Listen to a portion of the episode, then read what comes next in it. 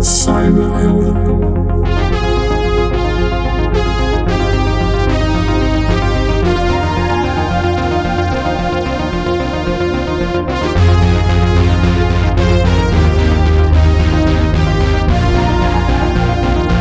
Cyberhelden. Welkom bij de 21ste aflevering van Cyberbelden, de podcast waarin ik in gesprek ga met een gast die zich bezighoudt met de digitale dreiging. Mijn naam is Ronald Prins en de gast van deze week is Chris van het Hof. Welkom Chris. Dankjewel. Ik vond het ook heel mooi passen in het serietje van de AIVD die we gehad hebben, de MIVD. En nu gaan we het hebben over DIVD. DIVD. We gaan het hele alfabet af. Dat is heel wat anders. Ja, en wat DIVD nou precies is, dat komt straks dan. Eh, in ieder geval heel leuk dat je eh, hier aan tafel zit. We hebben elkaar eh, vaak ontmoet op podia, waar jij mij ondervroeg eigenlijk. Dus nu zit het een keer andersom. Weet je ook hoe vervelend dat kan zijn. Dat is best even wennen hoor. Dat je niks mag bepalen nu. Ja. ja. Ik moet trouwens ook, dat wil ik wel even tegen iedereen nu vertellen. Chris heeft mij ook vrijblijvend en onderweg af en toe eens wat tips gegeven over hoe ik de podcast nog beter kan krijgen. Dus als jullie denken, nou, het is echt omhoog gegaan qua kwaliteit, dan is dat allemaal dankzij Chris. Dus dank daarvoor. Hey, ehm, ik heb ooit jouw check-in, check-out boek gelezen. Ehm, toen was je nog bij Rateno, denk ik, heel hard aan het werk als onderzoeker. Ja. En ehm, ja, je bent een heel ander pad ingegaan. Wel met boeken schrijven, maar je bent heel nadrukkelijk die eh, cyberwereld volgens mij ingegaan. En je hebt uh, gedag gezegd. Wat, wat is er opeens gebeurd dat je dacht van... ik ga me met hackers bemoeien de hele dag? Ehm, nou, ik was dus in eerste instantie onderzoeker bij verschillende instituten. En eh 2012 eh, ging bij Ratenau weg. Maar tegen die tijd werd ik steeds vaker gevraagd als eh, presentator. Zo van, nou, je kan lekker lullen, kun je aan elkaar kletsen, kun je presentatie geven, kun je interviews doen, dat soort dingen. Dus toen dacht ik, nou, keer het om. Ehm, presenteren wordt mijn werk en ik ga onderzoek doen in mijn eigen tijd. En nou, cybersecurity, dat, dat, kwam toen echt op. En eh, dat trok me enorm aan. Omdat als je het hebt over ja, kritisch kijken in de ICT, was het eerst vooral privacy. Ja, en dan eindigt het toch al heel snel met, oh, ze weten alles en een hoop juridisch gedoe. Terwijl bij security, dat, ja, er zat een soort, soort plezier zat daarin. Weet je, dingen stuk maken en dan vervolgens fixen. Ja. En nou, als ik dan een bijeenkomst had gehad daarover, dan kwamen steeds vaker eh, ja, ook wel hackers naar me toe. Van, Ja, Chris, ik heb, eh, ik heb nou toch iets gevonden. Ja, en eh, Brenno wilde niks mee, of de Volkskrant wilde niks mee. Kan jij daar iets mee? En dan dacht ik van ja, pff, daar heb ik helemaal geen zin in. Maar dan, dan zat ik met zo'n knul te praten. En in het begin dan ja, heb je een hoop afkortingen. En dan denk je, ja, waar heeft hij het over? En dan denk ik, oh, doe je dat? Eh, dus in een tekstvakje typ je in or 1 is 1. Ja. Dat is het. Ja, dat is het. En, en daardoor komt het ziekenhuis nu in het nieuws. Ja, nou, geweldig. Ja, dus dat soort dingen die ontdekte ik steeds meer. Toen dacht ik van nou, eh, ik wil dat veel meer van binnenuit gaan beschrijven. Dus niet zozeer de slachtoffers. Hè, Ja. Ziekenhuis is lek of overheid eh, doet de maatregelen niet goed. Maar wat beweegt deze mensen? Waarom doen ze dit? En, en hoe doen ze het? Ja, en eh, want je zei net, eh, ze zoeken soms eh, ook de publiciteit op. Eh, Brenno wou er niks mee en de Volkskrant wou er niks mee. En dan komen ze, kwamen ze bij jou. Wat is dat dan in hackers dat ze zo graag willen dat dat naar buiten komt? Ja, het is een combinatie van eh, geldingsdrang en een gevoel van onrecht. Eh, Die gasten die kijken zo'n systeem van binnenuit. En, en vaak is het ook verbazing dat ze, ja, dat, dat ze dit nou vergeten zijn. Hoe kan het? En dan zijn er zoveel mensen kwetsbaar. En dan ja, tegen de tijd dat ze bij journalisten of, of bij mij komen... ehm, ja, dan zijn ze vaak al maanden bezig. Ze hebben ze eerst bij een helpdesk te horen Ja. gekregen van nou meneer is niet interessant. En dan vervolgens proberen ze een IT-manager te pakken te krijgen. En dan gebeurt er niks. Ja, en, en door de publiciteit te zoeken hebben ze de hoop dat er sneller gereageerd wordt. En dat is dat stukje, je zei geldingsdrang en onrecht. Verantwoordelijkheidsgevoel. Ja, het is een gevoel van onrecht. Van, van hè, die gebruikers die zijn kwetsbaar door nalatigheid. Eh dat moet toch niet zomaar kunnen. En, en ja, ze doen dat dus heel eh, vrijwillig. Hè? Dus niet vanuit financieel gewin of wraak of wat dan ook. Eh, gewoon om de wereld te verbeteren. Du- Ja. Dus die mensen die, ja, die trok mij gewoon heel erg aan. En ja, er zit vaak ook gewoon een hoop humor bij. Want als je ze bij elkaar zet, eh, dan, dan, dan, ja, dan is het gewoon lachen, gieren, brullen. En dat vond ik zo'n verademing naar die hele, ja, mag ik zeggen, een beetje zure privacy groep waar Ja. ik af en toe in zat. Privacy, ja, daar wil ik het ook nog met je over hebben straks. Maar ehm, ja, eigenlijk, je bent internetsocioloog. Althans, anderen noemen jou zo, denk ik. Hè? Want dat is niet... eh, Ja, dat- dat- op een gegeven moment werd ik zo genoemd. Toen dacht ik, ja, dat, dat klinkt eigenlijk wel cool. ja. Eh, Maar je hebt wel sociologie gestudeerd? ja, Cultureel? Sociologie of zoiets? Ja, klopt. Ja. Ja. nou, het is een beetje een schietsuïde achtergrond. We begonnen op de LTS elektrotechniek. Het is gewoon echt eh, draadje, lampje, knopje. Volgens MTS, uh, energietechniek, dan is het een draadje, knopje, motortje. Moet je kunnen rekenen nog. En dan moet je kunnen rekenen. Ja. Het, het kreeg ook digitale technologie en algebra met Carnot-diagrammen. Ik dacht, wauw, dat is gaaf. Alleen de mensen waar je dan tussen belandt, dacht ik even, nee, hier ga ik helemaal gek gillend dood. Uh, toen ontmoette ik een psycholoog. Dan ging ik wel eens mee naar de studie. Dacht, nou, dat is hartstikke leuk. En uh, ja, zo ben ik eigenlijk bij sociologie uh, terechtgekomen. Dat was liefde op het eerste gezicht. Dus ik heb de studie in vier jaar afgemaakt. Ja. En toen studeerde ik af eind jaren negentig. Toen kregen we de internetrevolutie. En toen ineens dacht ik van ja, ik kan die twee eigenlijk heel goed combineren. Hoe ja. de elektronische en de menselijke netwerken samenhangen. Ja, want dat is denk ik misschien ook wel precies dan de kern van waar dingen nu vaak misgaan in die ja. cyberwereld. De mensen maken iets en anderen kunnen er niet mee omgaan. Ja, inderdaad. Ja, um, ja de check-in, check-out. Um, dat boek dat ging denk ik, denk ik veel over de. Uh, dat sloeg eigenlijk op het inchecken, uitchecken met de pasjes. Waar ja. Ook weer een rol in gespeeld heeft bij in de, in de OV-systemen. Uh, dat heeft hem in zijn meerdere talen verschenen zelfs. Hè?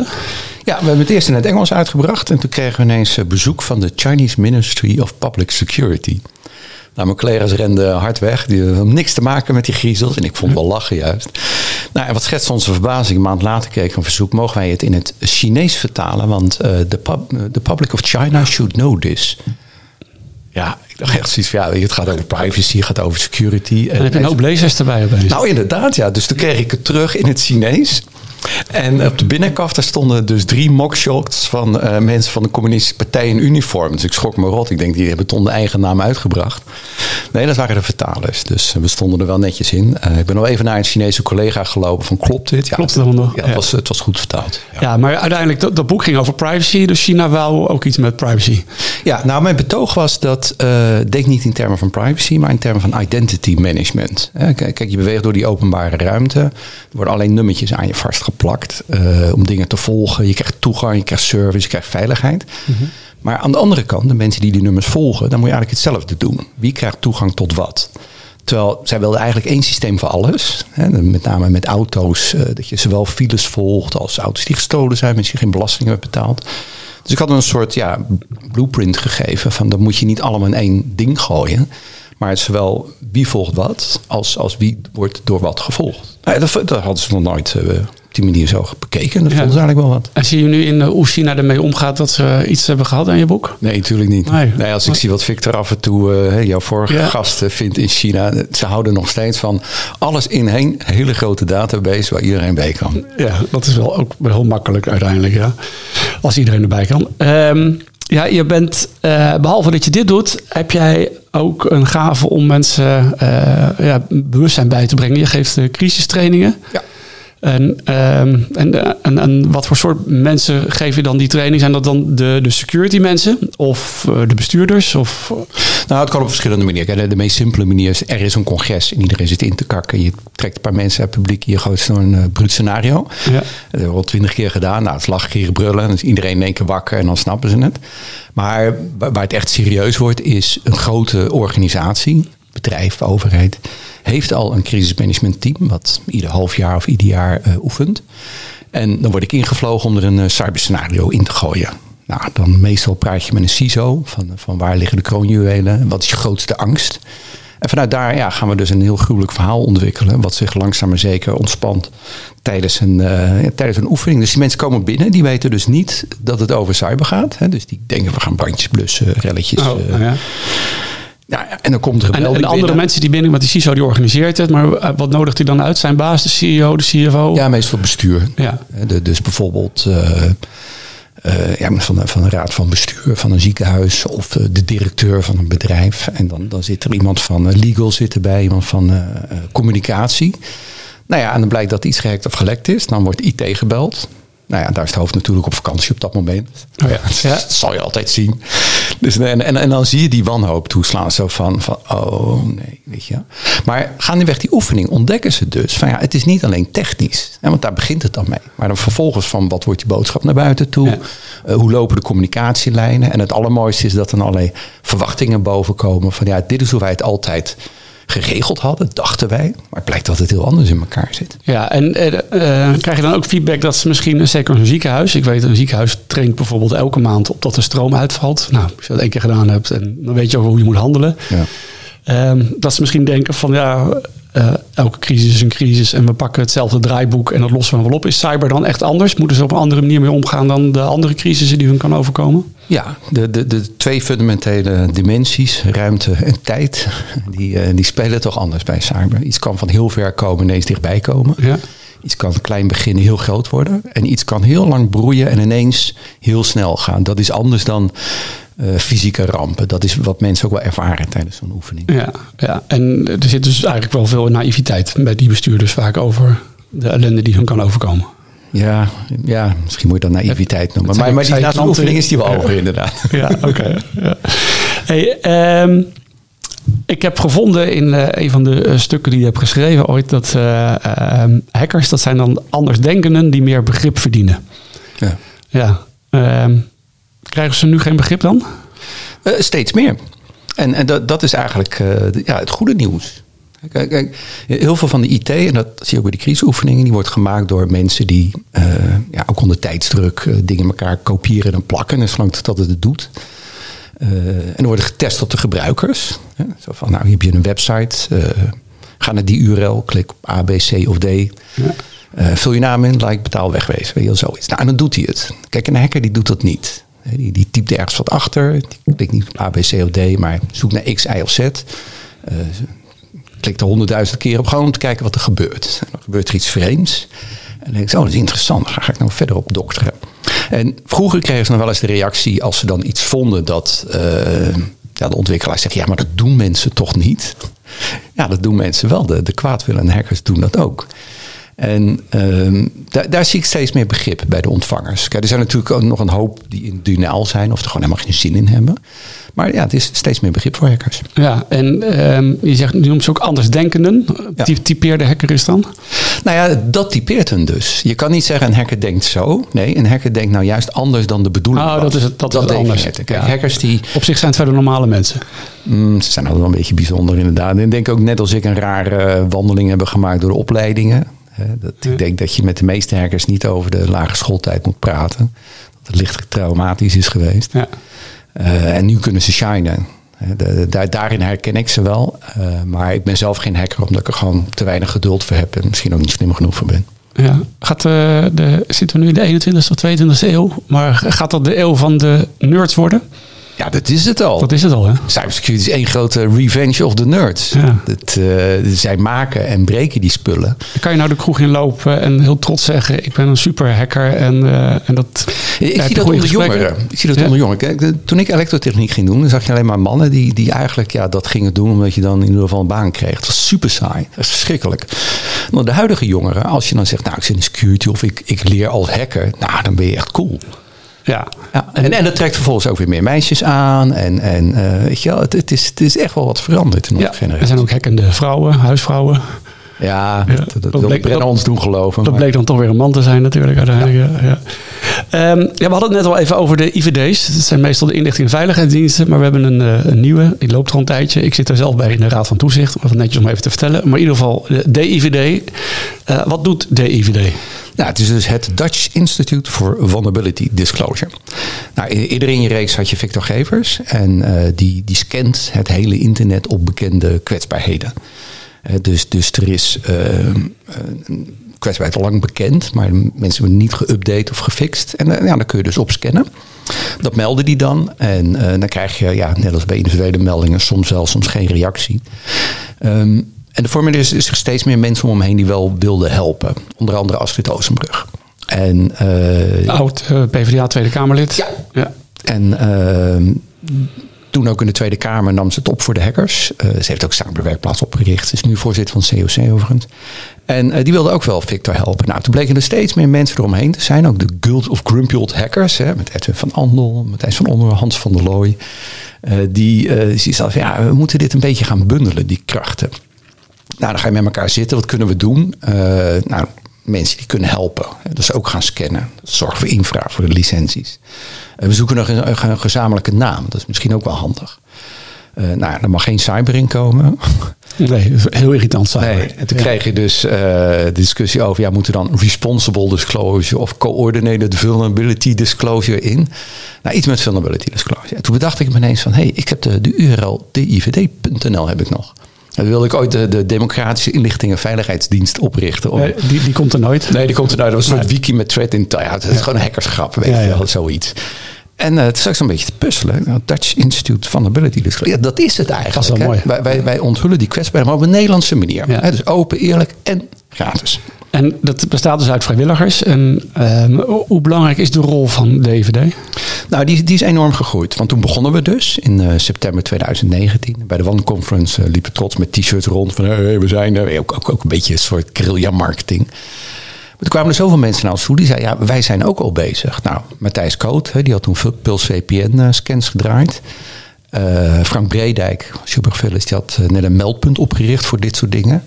Uh, nou, daar kwamen ook hackers naar ons toe, zeiden: Ik heb nog het een en ander liggen. Uh, nou, we hadden dus net een raad van toezicht met onder jou Peter Oldergram. Uh, Lodewijk van Zwieten, officier justitie. Ja, die is de voorzitter. En Herbert Bos van de VU. En, en ja, de, dat groeide een soort met van vanzelf. Dus, dus dan krijg je ook weer wat typisch iets voor die hackerswereld. Uh, iemand doet iets waar die heel goed in is. Anderen haken aan en dan groeit het ineens heel snel. Nou, afgelopen week hebben we acht sollicitatiegesprekken gehad. Uh, vier nieuwe onderzoekers aangenomen, een juriste. En ja, drie mensen die IT operations gaan doen. we hebben inmiddels steeds meer eigen spullen. Ja. Moet ook onderhouden worden. Dus nu zitten we op 38 mensen. Zo dan. Ja. En die, zullen, die werken niet allemaal fulltime. Hè? Het is voor veel mensen werkt ernaast. Vrijwilligers, ja. ja. En, um, maar ja, ik vroeg eigenlijk dus hoe relevant is het nou? Hoe belangrijk als je het nou niet meer zou doen? Wat zou er dan gebeuren? Nou, dan is er veel meer lek en dan kan er veel meer gehackt worden. Want hoeveel bedrijven uh, waarschuwen jullie per dag, per maand, per week? Nou, een goed voorbeeld was uh, de Microsoft Exchange Server. Dat was uh, in maart, begin maart werd dat bekend. Ja. Dit is een kwetsbaarheid die, die actief misbruikt wordt. Het bleek later hafnium te zijn. Um, dat werd 3 maart bekend. Toen zijn we meteen die dag gaan scannen. Nou, dat kun je voorstellen. Je schrijft een scriptje in Nmap. Je haalt hele IP-versie 4-reeksen daarheen. Daar kwamen dus... dus... Dus daarmee betekent je gaat alle internetadressen proberen te testen of die kwetsbaar zijn. Ja, in dit geval het hele internet. Ja. En uh, nou ja, daar vonden ze dus uh, 200.000 servers die Exchange draaien, waarvan er 46.000 kwetsbaar waren wereldwijd. Nou, een paar duizend uh, in Nederland. daar hebben we dus een, een, een, script voor geschreven om geautomatiseerd te melden. Dus vanuit het IP-adres leid je dan af. Dit is www.ronaldprins.com, noem maar iets. Mm -hmm. Uh, daarop genereren we dan info-ad, abuse-ad, security-ad. Heel, heel batterijen mailtjes gaan er dan ja, de deur uit. Dat is keer drie. Ja. En dan, uh, nou, dan krijg je natuurlijk een hoop reacties uh, binnen. En, en, en dat is waar Frank dus, dus een, ja, een meldpunt heeft met, met teamleden die al die mailtjes afhandelen. Terwijl het scannen, dat, hè, dat is vooral Victor en Matthijs die dat doen. Maar ook steeds meer jonge onderzoekers die dat doen. Dus je hebt ontzettend veel data. En daaruit kun je opmaken aan de reacties van... oh, god, dankjewel, wisten we niet... Uh, wat we in dit onderzoek ook zagen, is dat mensen dachten: ik heb uh, die patch gedraaid. Maar je moet hem even rebooten. En die waren dat vergeten. Ah. Dat is heel simpel, weet je. Maar wij kijken van buiten. En krijg je dan ook berichtjes terug van dankjewel, ja, uh, ik ja. was de reboot vergeten. Of ja, ik ga hem maar gelijk patchen. Oh, ja. En, maar ja, het is natuurlijk hartstikke mooi dat het werkt. Maar hoe voelt het voor jou nou dat dat dan um, uiteindelijk gebaseerd is op vrijwilligers die het doen? Ja, vind ik geweldig. Dat vind ik juist geweldig. Oh, ja. Ja, ja. ik, ik, ja, ik zit wel eens over na te denken. We zijn een net georganiseerd land. Ja. Uh, naar de KNRM, we zitten nu in Scheveningen, dat zijn ook vrijwilligers. En dat functioneert uiteindelijk dus prima. Ja. Maar we hebben ook instituten die hier een rol in hebben. Um, bijvoorbeeld het Nationaal Cybersecurity Center. Is dat iets waar jullie mee samenwerken? Of waarvan zegt van zij zouden wat meer moeten doen wat wij niet doen? Of uh, laat, laat ons maar doen wat zij allemaal laten liggen? Um, nou ja, in Facebook-termen, it's complicated. Ja. nee, het, we hadden ook niet voor niks gekozen om tijdens de One Conference met guerrilla marketing te laten zien, we zijn er. Ja. Want uh, NCC heeft het geweldig, de helpende hackers, hè, zoals ik ze noem. Ze hebben niet voor niks Coordinated Vulnerability Disclosure als speerpunt uh, uitgedragen. Maar wat wij doen, dat zouden zij natuurlijk liefst ook doen. Maar dan mogen ze dat niet. En waar het dus frikt, is dat als wij een scan hebben gedraaid... en we halen Nederland daaruit. Het is bijvoorbeeld het eerste grote onderzoek was Citrix. Ja. In januari vorig jaar. Ja, dan stuur je zo'n zo'n lijst met 206, of, eh, 546 kwetsbare organisaties.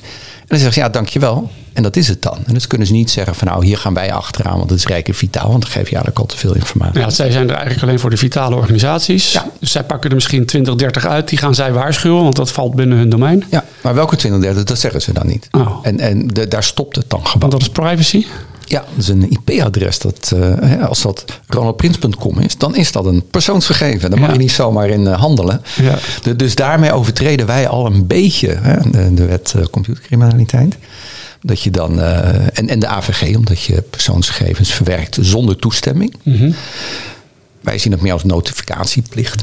Je kan, misschien kan het ook zien dat het proportioneel is in ieder geval. hè? Ja, inderdaad. Er zijn verschillende rechtszaken geweest waarin eh, toch wel bewezen is dat, dat, dat het middel niet zo schadelijk is dat je met zo'n belangrijk doel eh, dat niet zou mogen doen. Dus, Toch, eh, toch is Henk Krol wel voor veroordeeld. Ja, maar is omdat hij te ver ging. En dat was nou juist een mooie zaak waarin eh, hij dus liet zien van hé, hey, ik kan erin, ik heb bewijs. Dat mocht. Maar hij ging er meerdere keren in met journalisten bij zich. Ja, en dan krijg je een boete. En, en dat doen wij dus niet. Hè. We gaan dus wat, niet wat bekende opgezold toen geloof ik van hem. ja, dat is zeker interessant bij Ja. een, eh, een, een diagnostisch laboratorium natuurlijk. Maar Ja. goed, dat is, je vroeg over NCSC. Eh, we hebben regelmatig contact met hun, eh, wat vooral informeel is. Dus zij kunnen niet zeggen van nou, dit is ons officiële standpunt ten aanzien van de IVD. Hè. Oké, Ieder voorstel wat we indienen bij de One Conference, dan krijg je altijd dat nette mailtje van we hebben zoveel aanmeldingen. Ja, ja, ja. Helaas behoort u er niet Ik heb hem ook gehad. Ja. maar, ik, ik, maar ik ben ja, en, en dan moeten we daar gewoon om lachen. Denk, ja, jongens, we snappen de ambtenarij. We weten dat het moeilijk is voor jullie, dus het zal allemaal wel. Hey, en, en andersom krijg je wel eens wat van hun van... eh, misschien kan je hier eens op gaan scannen. Nee. Moet je dan eerst eh, iets, die moeilijke afkorting worden? OKTT? OKTT, objectief kenbaar tot taak. Nou, en en, en eh, daar zit dus het probleem, want er worden steeds meer organisaties OKTT. We hadden natuurlijk al SurfCert, eh Cyberweerbaarheidscentrum Eindhoven. Maar bijvoorbeeld ook Verm in Rotterdamse haven of de ZCert. Dat zijn allemaal OKTT's ook. En, die, en, dat- en betekent dus dat je daarmee een formele lijn hebt met het NCSC. Ja, en dan mag je die informatie wel uitwisselen. Alleen eh, de- waar het dus, dus wrikt, is dat zij, zij moeten een doelgroep hebben die daarmee akkoord is. Ja, wij hebben geen doelgroep. Dus ik heb wel eens in, in een van de gesprekken met NCTV en eh, NCC voorgesteld... kunnen we anders niet het Nederlandse restcert worden? Ja, Want, want zij bedienen allemaal een bepaalde doelgroep. Maar waar het misgaat, is de mensen die niet bediend die tussen wel En dat doen wij. Ja, want heb je wel eens dan ehm, klachten gekregen van mensen die zeggen... joh, blijf van mijn IP-adres af. Ik wil helemaal niet dat je kijkt ernaar. En eh, heel vervelend dat je hebt vastgesteld dat ik lek ben. Nee, dat niet. Wat we wel zien is dat we soms geblacklist worden. Het is ook wel grappig om te zien. Dan ga je scannen en dan zie je dan een of andere provider die denkt, "Oh, wat is dat? Ja, maar dat kan ook soms geautomatiseerd gebeuren. Kan geautomatiseerd. Nee, we hebben eigenlijk nog geen eh, negatieve reacties eh, gekregen. Nee. Nee, ik, ik denk ook dat het eh, alleen maar allemaal lof verdient wat, jullie doen. En eh, je haalt veel goeds naar boven. Ehm, kan je nog uitbouwen wat je, waar je nu mee bezig bent? Met het scannen en melden? Ja, nou, ook, dat is een interne discussie. Eh, toen we afgelopen week acht mensen hadden aangenomen, toen, toen riep ik als secretaris van deze club: jongens, opname stop, want we moeten dit eerst absorberen. Maar ja, Victor die heeft een soort ambitie om gewoon met honderden mensen te gaan, gaan werken. Eh, puur vanuit omdat het nodig is. En, en daar heeft hij gelijk in. Ehm, kijk, en Astrid die werkt bij het COC. Daar, daar, daar zitten misschien wel honderdduizend mensen als vrijwilliger aan. Dus, dus die schrikt daar ook niet van. Dus van de drie ben ik een beetje de voorzichtige, zeg maar. Die zeggen, jongens, rustig aan, rustig aan, niet te snel. Nou, dan knalt Victor eroverheen. En die erbij, die erbij. En dan denk ik, ja, weet je, het, zo werkt het ook bij een vrijwilligersorganisatie. Ja, maar, maar goed, ik bedoel eigenlijk, je zou ook, eh, je bent nu eh, aan het scannen op internet naar bekende kwetsbaarheden. Je zou ook kunnen gaan zoeken naar onbekende kwetsbaarheden en daar doen mee doen. Ja, we hebben al een aantal zero days gevonden. Eh Wietse Boonstra is een van onze pentesters die daar heel goed in is. Eh heeft ook wie- CVE's voor aangevraagd. En die moeten nog onthuld worden. Eh, maar, maar daar zie je ook weer hoe dat werkt bij een vrijwilligersorganisatie. Dit is iemand die dit voor zijn werk doet. Maar die vindt er iets wat hij nergens kwijt kan. Nou, en bij ons kan hij dat wel kwijt. En hij heeft geen zin om het hele traject in te gaan. Maar hij kan ze toch ook gewoon aan Hacker One geven en dan krijgt hij misschien wat geld voor of zo? Ja, dat kan ook. Maar ja, de, de- niet iedereen zit bij HackerOne of Zerocopter of wat voor platform dan ook. Ja. Dus dan blijft dat in de lucht hangen. En dan, en dan net op het moment dat hij denkt van nou ik geef het op, er gebeurt toch niks. Dan is er weer iemand van ons die zegt weet je, ik schrijf een breed betere eh, proof of concept. Ja. Hè, of of eh, iemand anders gaat via LinkedIn de CISO eh, bestoken. En dan wordt er wel geluisterd. En dan kunnen wij dus als DVD zeggen van nou we hebben nu gescand. We zien er zoveel kwetsbaar. Ga jij nou even een patch uitrollen? Scannen we nog een keer. En dan gaan we kijken of het afneemt. Ja. Eh, dus dat is een soort volgende fase in, in de ontwikkeling van Oké. DVD. Dus dat gebeurt nu nog niet. We hebben wel al zero days gevonden. Maar we gaan dus ja, binnen niet aanzienlijke tijd gaan we daar eh, ook mee naar buiten. Ja.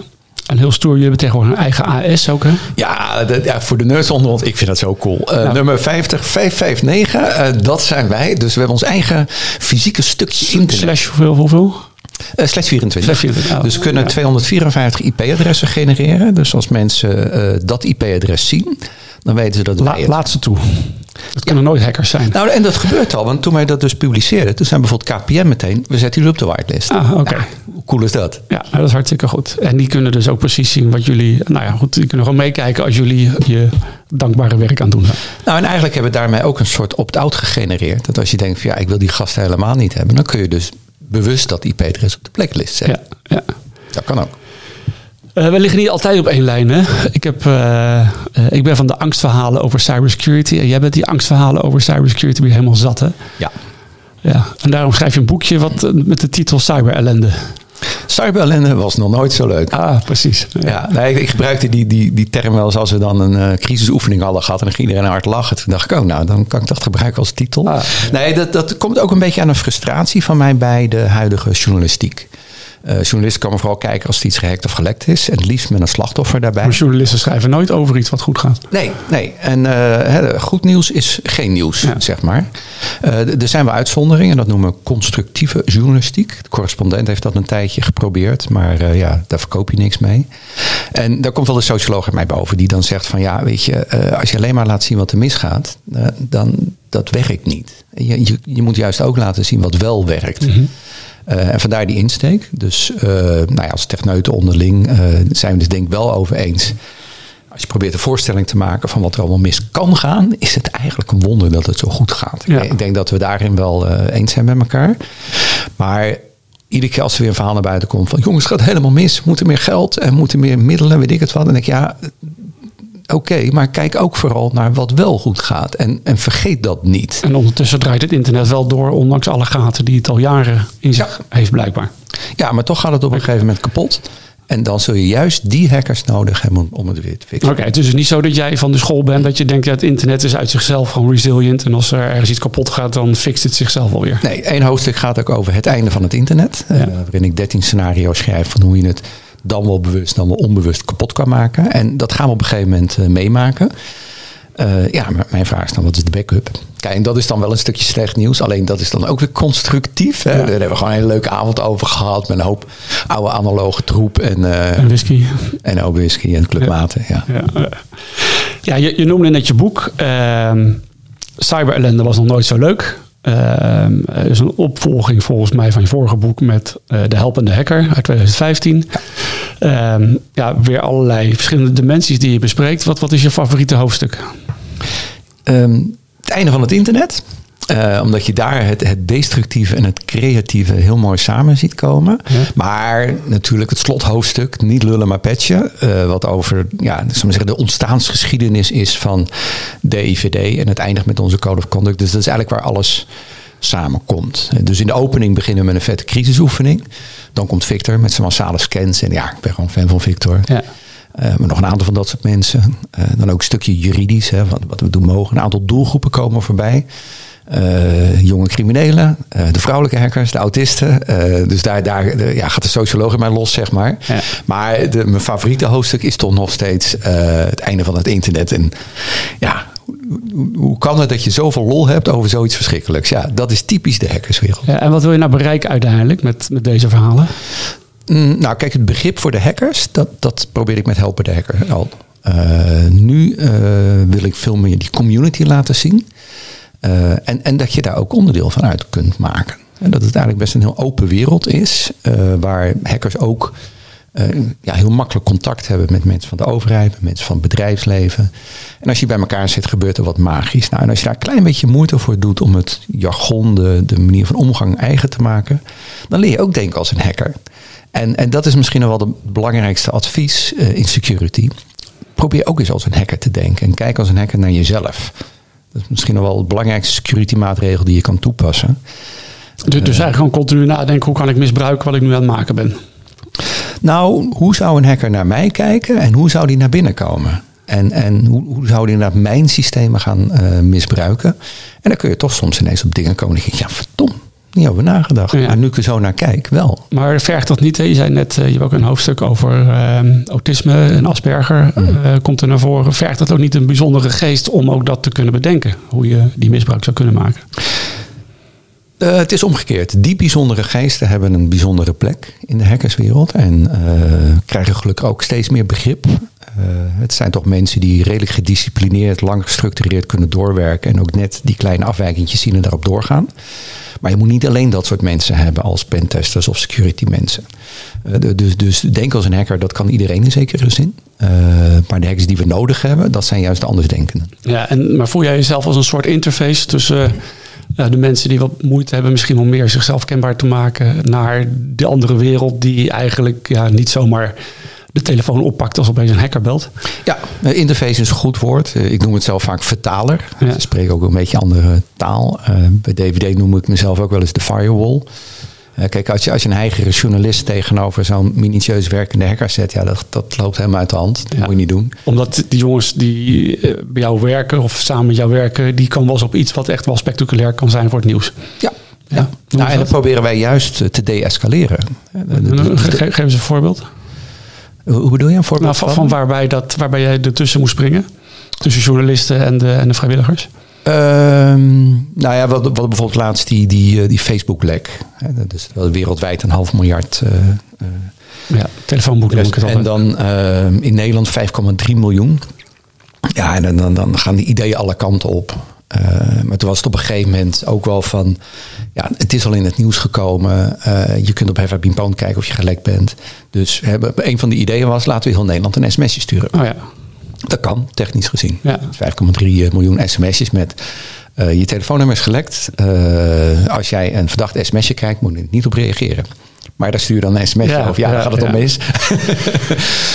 maar, dus, dus dat doen we dan niet. Uh, maar vooral ook aan de kant van iemand heeft iets gevonden en er wordt niet geluisterd. En, en daar zie je dat degene die dat gevonden heeft, heeft die geldingsdrang van hé, hey, ze luisteren niet, ik moet wat doen. Mm -hmm. Dat de rest zegt, ja, weet je, dit gebeurt de hele tijd. Laat ons nou even, weet je wel, geduld. We gaan het nog een keer uitleggen en op een andere manier. Of we sturen die er naartoe en hé, hey, nou, dan luisteren ze wel. Ja. Hoe, hoe voorkom je dat de hackende vrijwilligers in hun enthousiasme om kwetsbaarheden te vinden soms net iets verder gaan dan zachtjes aan de deur kloppen? Ja, dat voorkom je misschien niet. Uh, Kijk, um, er is natuurlijk een groot verschil tussen uh, wat, wat, wij formeel als, als DIVD doen en wat mensen in hun eigen tijd doen. En, en daar gebeuren wel eens dingen dat je in een één op één gesprek moet zeggen van nou, dit had je of niet moeten doen of mij gewoon niet moeten vertellen. Ja. En heeft dat dan consequenties dan? Dan uh, dan, dan, doen ze niet meer mee in de groep? Of, uh? Nou, kijk, als je, als je het vanuit de naam van DVD doet, dan hebben we gewoon heel strikt beleid. Als je niet aan de code of conduct houdt, dan raak je je account kwijt. En dat is eigenlijk de zwaar, het zwaarste middel wat je kan inzetten. Dat is jouw identiteit als DIVD'er en die raak je dan kwijt. Maar we zeggen ook wel eens tegen mensen van ja, dit doen wij niet. Maar als je dit heel graag wil doen, dan kun je ergens anders terecht. Ja, maar... Er zijn andere clubs voor om dat te doen. Is niet dus bijvoorbeeld dat, dat Victor de, uh, het, het, wachtwoord van Donald Dump, ja, ik noem het maar zo, uh, had geraden en uh, naar buiten gebracht. Ja, dat is niet iets wat wij als DVD doen. Dus dat heeft hij onder zijn eigen naam gedaan. Ja. Ook al vond ik het super cool. En ik bedoel, als er toch iemand in de wereld gehackt moet worden, dan is het wel die oranje clown. Zeker als je net vlak voor de verkiezingen zit. Ja. maar dat is dus, dus waar de code of conduct van, van DVD begint te frikken. En, Ja. en dan doet hij dat dus onder eigen naam. Ja, maar ja, goed, het is wel lastig om uiteindelijk samen te werken. Als je weet dat ze aan de andere kant. eh, en dat is, dit voorbeeld is dan niet goed van Victor. Maar als er mensen echt gewoon eh, continu creditcards aan het stelen zijn. Aan de andere kant. Nee, dan lig je eruit. Ja. De, als je bij ons creditcards gaat lopen stelen, dan... eh, Ja. Hey, het is coronatijd nu. Want vroeger stond je heel vaak op podia. Maar dat kan nu even niet, hè? nee, Nee. En, maar er is eh, eh, weer een kleine opening volgens mij. Heb je iets in de planning staan? Nou, nee, ik, ik zou eerlijk zeggen, dat zal voor mij wel wennen worden. Want, want uh, eigenlijk is de hele sector al heel snel omgeslagen van fysieke evenementen naar studio. Mhm. En in het begin had ik daar hard hoofd in. Denk, ja, dan gaan mensen toch niet eens zitten kijken en zo. Maar ik vind het eerlijk gezegd geweldig. Het is een stuk korter, veel meer to the point. En uh, ja, dat gedoe uh, eromheen heb je dan niet. Nou ja, en mensen online, je kan een veel groter publiek. Uh, en inderdaad, als het eenmaal gebeurd is, dan staat het nog steeds online. Dus ik voed mijn klanten op met de boodschap van denk niet, we hebben een fysiek evenement wat we nu online gaan doen. Denk, wij gaan tv maken voor een bijzondere doelgroep. Ja. dus je, je zorgt voor een veel strakker programma met, met, met allerlei bumpertjes, afwisselingen. En ik heb het eerlijk gezegd wel heel veel lol in. Dus ik hoop dat dat blijft. Dus ik zie er eerlijk gezegd een beetje tegenop dat het allemaal weer fysieke evenementen worden. Nou, herkenbaar. Ik vind het ook heel fijn nu alle meetings die ik heb en dat ik niet in de auto hoef te stappen om naar uh, Maastricht te rijden. Of zo. Ja, dat is echt wel heel relaxed. Oh, ja. Um, ben je al met je volgende boek bezig? Nou, dit was nummer 9. Uh, eh, even ademhalen. Uh, er is één concept waar ik mee speel. Dat zijn cybercrime cases dat is meer vanuit een bepaalde academische theorie, acte netwerktheorie. Nou, dat zal ik je besparen. Maar ik zou ooit nog eens een boek willen schrijven. Uh, wat een autobiografie van het internet zou zijn. Dus, dus dat je het internet als een soort organisme wat een bewustzijn krijgt, wat groeit en dan eigenlijk vanuit zichzelf zijn biografie gaat schrijven. En wat hij allemaal meemaakt, wat er allemaal gebeurt met zichzelf uiteindelijk. Ja, uh, misschien dat ik dat ga doen als ik ooit met pensioen ga. Misbruik gemaakt wordt. Lijkt me wel eens een leuk idee. Oké. Okay. Uh, Chris van het Hof, dankjewel. Auteur van het recent verschenen boek Cyber Ellende was nog nooit zo leuk overal te kopen? Nou, bij Bol. En je kan het gratis downloaden als e-pub op cyberlender.nl. Elke donderdag kan je naar een nieuwe aflevering van Cyberhelden luisteren. Mijn gesprekken met de Cyberhelden kan je terugluisteren via Spotify, de podcast-apps van Apple en Google en via de website cyberhelden.nl. Veel dank weer voor het luisteren en graag tot volgende week. Cyberhelden.